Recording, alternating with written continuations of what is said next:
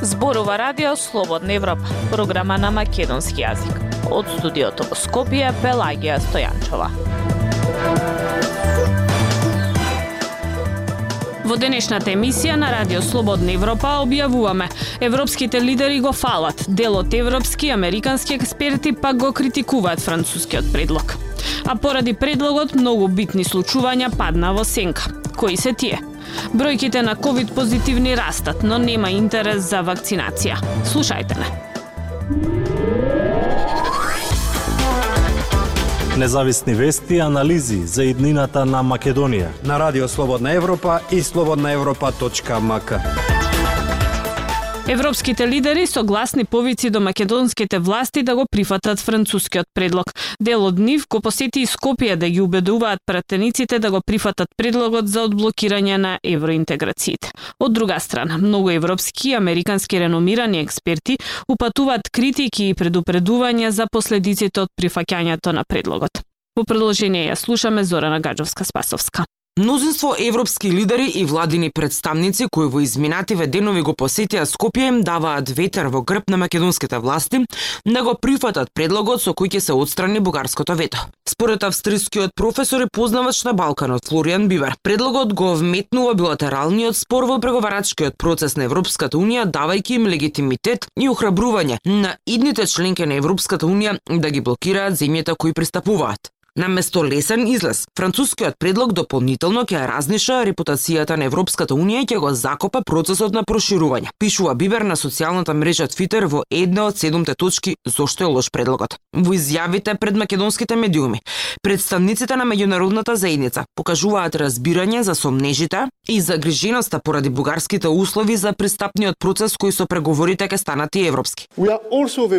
Свесни сме за загриженоста што изразија некои луѓе во врска со вашиот нашиот национален идентитет и може да сметате на мојата целосна поддршка како председател на Европскиот совет дека систематски ќе стојам зад вашите легитимни права. Секако добрососедските односи се необходен елемент во процесот на проширување. Изјави председателот на Европскиот совет Шарл Мишел на заедничката пресконференција со премиерот Димитар Ковачевски пред една недела. Два дена по него американската амбасадорка во земјава Кейт Мери Брнс изјави дека Соединетите држави ја охрабруваат Северна Македонија да проложи на патот кон европската иднина со сегашниот предлог за пристапување во Европската унија. Кога ќе сте на преговарачка маса и кога ќе сметате дека вашите забелешки не го добиваат потребното внимание, имате можност да направите различни избори, но треба да го направите првиот чекор за да стасате до вториот, напиша Брнс на Твитер. Веднаш по неа со заедничка изјава за подршка излегоа и високиот представник на Европската унија за надворешна политика Жозеп Борел и американскиот државен секретар Антони Блинкен, кои сметаат дека компромисниот предлог ги зема предвид интересите и грижите и на Северна Македонија и на Бугарија. Поранешниот евроамбасадор во земјава Ерван Фуерес смета дека Европската унија со предлогот прави неевропски преседан со Македонија. Тој објаснува дека преговарачката рамка е затвор за Македонија, а клучот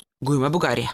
Personally, I find this proposal has many, many Лично сметам дека овој предлог содржи многу опасни елементи. Најпрво, тој ја обврзува македонската влада да го смени уставот уште пред да започнат преговорите за членство и нема реципроцитет, што значи дека Европската унија прифаќа дека Бугарија ги прекршува заложбите под постојаната Европска конвенција за човекови права и пресудите на Европскиот суд за човекови права во врска со постоењето на македонското малцинство во Бугарија. Власта бара подршка за францускиот предлог, а опозицијата порачува дека останните измени тешко дека ќе поминат. Опозицијата веќе десетина дена протестира против францускиот предлог пред државните институции. Слободна Европа. Следете на на Facebook, Twitter и YouTube. Екс-шефот на УБК Сашо Мијалков се спогоди со судот. Има пропусти во судењето на бившиот генерален секретар на владата Драги Рашковски. Државата се задолжува и ред други битни теми како да падна во втор план, откако јавноста целосно се насочи кон францускиот предлог и протестите против него. Марија Митевска. Францускиот предлог за одблокирање на македонските евроинтеграции во последниот период ја окупираше македонската јавност а сите останати случувања. Како судењата на поранешни високи функционери, ребалансот на буџетот, состојбите во Уставниот суд и најави за тужби против државата како да паднаа во втор план. Во фокусот на медиумите и интересот на граѓаните овие денови се пред се протестите против францускиот предлог, како и последниот развој на настаните, дека за предлогот треба да расправаат пратениците. По неколку години од почетокот на истрагата за империја и исчекувањата каков ќе биде епилогот со оглед на фактот што меѓу обвинетите беше и поранишниот шеф на управата за безбедност и контраразузнавање Сашо Мијалков, случајот доби судска разрешница. Мијалков призна вина за случајот и се спогоди со обвинителството. Тој ќе оди три години во затвор и ќе му се одземе имот во вредност од околу 30 милиони евра. Сепак сега осудениот Мијалков за злосторничко здружување и противправно стекнување и прикривање имот нема да остане без ништо. Судењето на поранишниот генерален секретар на владата Драги Рашковски за измама при набавка на софтвер за следење на сообраќајот за Министерството за внатрешни работи е во тек, а на почетокот будно се следеше од јавноста. Но она што рече се помина незабележано е дека на последното рочиште, едно од лицата кои беше сослушано, како што информираше адвокатката Сузана Јошевска-Танасовска, бидејќи ниту еден новинар не бил присутен, е дека тој изјавил дека поради разни пропусти во процедурата, USB-то на кое се симнати пораките од вештачењето на мобилните телефони е неупотребливо и направена е грешка поради недоследно следење на инструкции. И покрај тоа што ребалансот на буџетот пред да влезе во собранието предизвика полемика и препокувања меѓу власта и опозицијата за тоа колкави ќе бидат задолжувањата на државата со оглед на кризата предизвикана од пандемијата на COVID-19 и конфликтот во Украина. Сега расправата која започна во понеделникот и треба да трае 5 дена, се очекува да биде засенета од францускиот предлог кој е ставен на дневен ред пред пратениците. Владата оваа година ќе се задолжи за 150 милиони евра повеќе од предходно планираното, предвидува ребалансот. Сојузот на синдикати на Македонија минатиот месец го почна штрајкот на вработените во јавниот сектор со барање за линеарно сколемување на нивните плати за 2806 денари. Штрајкот резултираше со отворање на диалог со Министерството за труд и социјална политика. Но откако барањето на синдикатот не помина во собранието, оттаму најавуваат тужба против владата. Уставниот суд повеќе од една година работи со пет суди наместо девет како што е пропишано во Уставот и кога конечно официјалната листа на кандидати влезе во собранието, најде на повторно одлагање на процедурата. Изборот на четворица уставни суди се закочи во Собраницката комисија за избори и именување, откако помина предлогот за назначување на Фатмир Скендер, граѓански судија во апелациониот суд во Скопје. Дайте ни 15 минути и ние ќе ви го дадеме светот. Слободна Европа.мк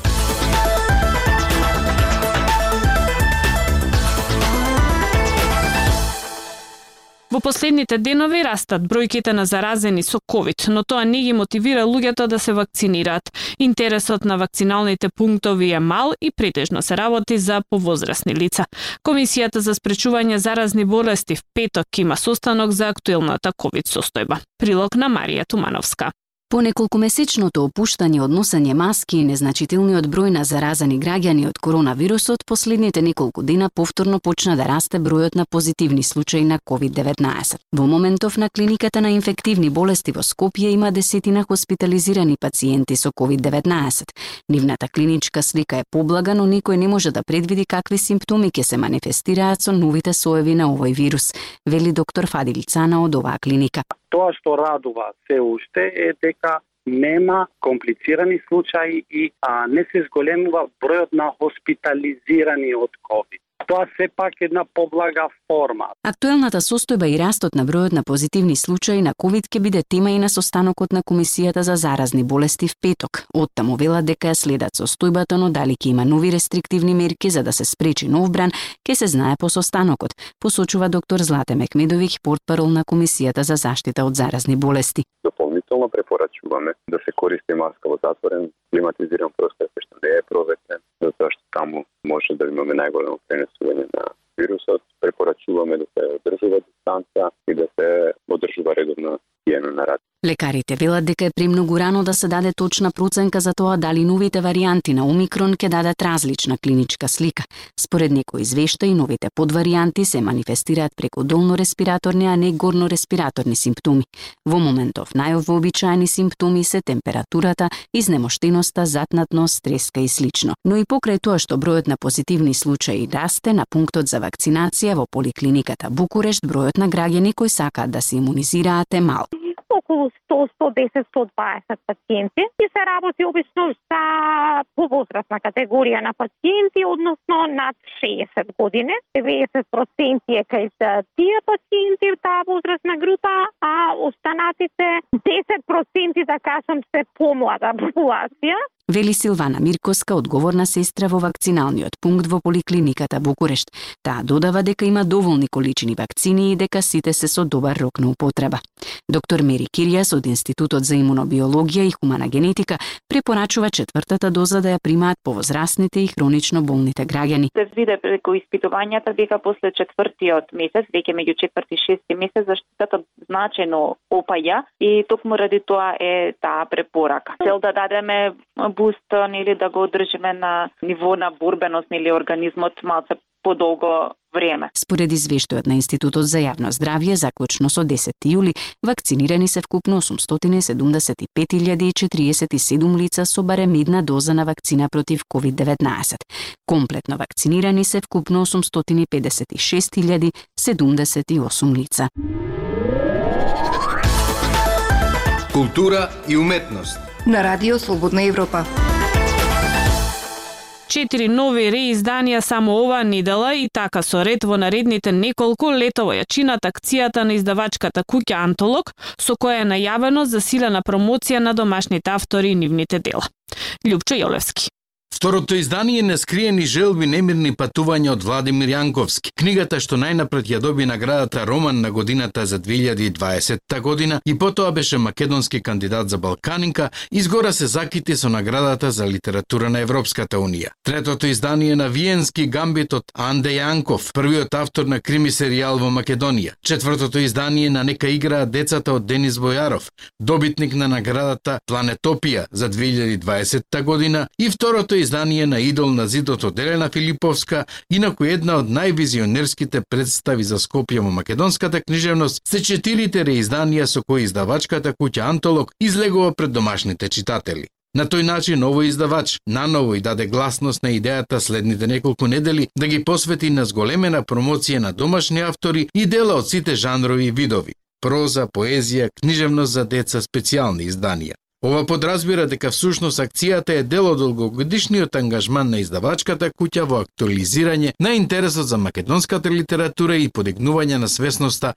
за домашните автори, кои сега вака добива и една сосема поинаква димензија. Нашата цел преку активностите што следат е уште позасилено да го привлечеме вниманието кон домашниот автор. За секој на својот список книги од ова лето да ги допише и нашите македонски автори. Од секоја сме ги поддржували и охрабрувале македонските писатели и дела се несомнено вредни за читање. Низ годините нашите автори го добиле соодветното внимание. Вели Ирина Тумбовска од Антолог. Таа и со информација дека меѓу авторите чии дела ја одбележаа македонската литература поминатите неколку години, а кои исто така ќе бидат дел од оваа акција, со вторите изданија на нивните книги се и Жарко Којунџиски со Свинга на гневот, една од најчитаните книги, македонски кандидат за наградата Балканика во 2021 година, потем Диана Петрова со незината Не правете им сенка на гробовите, Катерина Шошко со случајот Чернобок, Марта Димитров со Шардоне и шпагети карбонара и Јасна Котеска и незината нејзините санитарна енигма и комунистичка интима и други.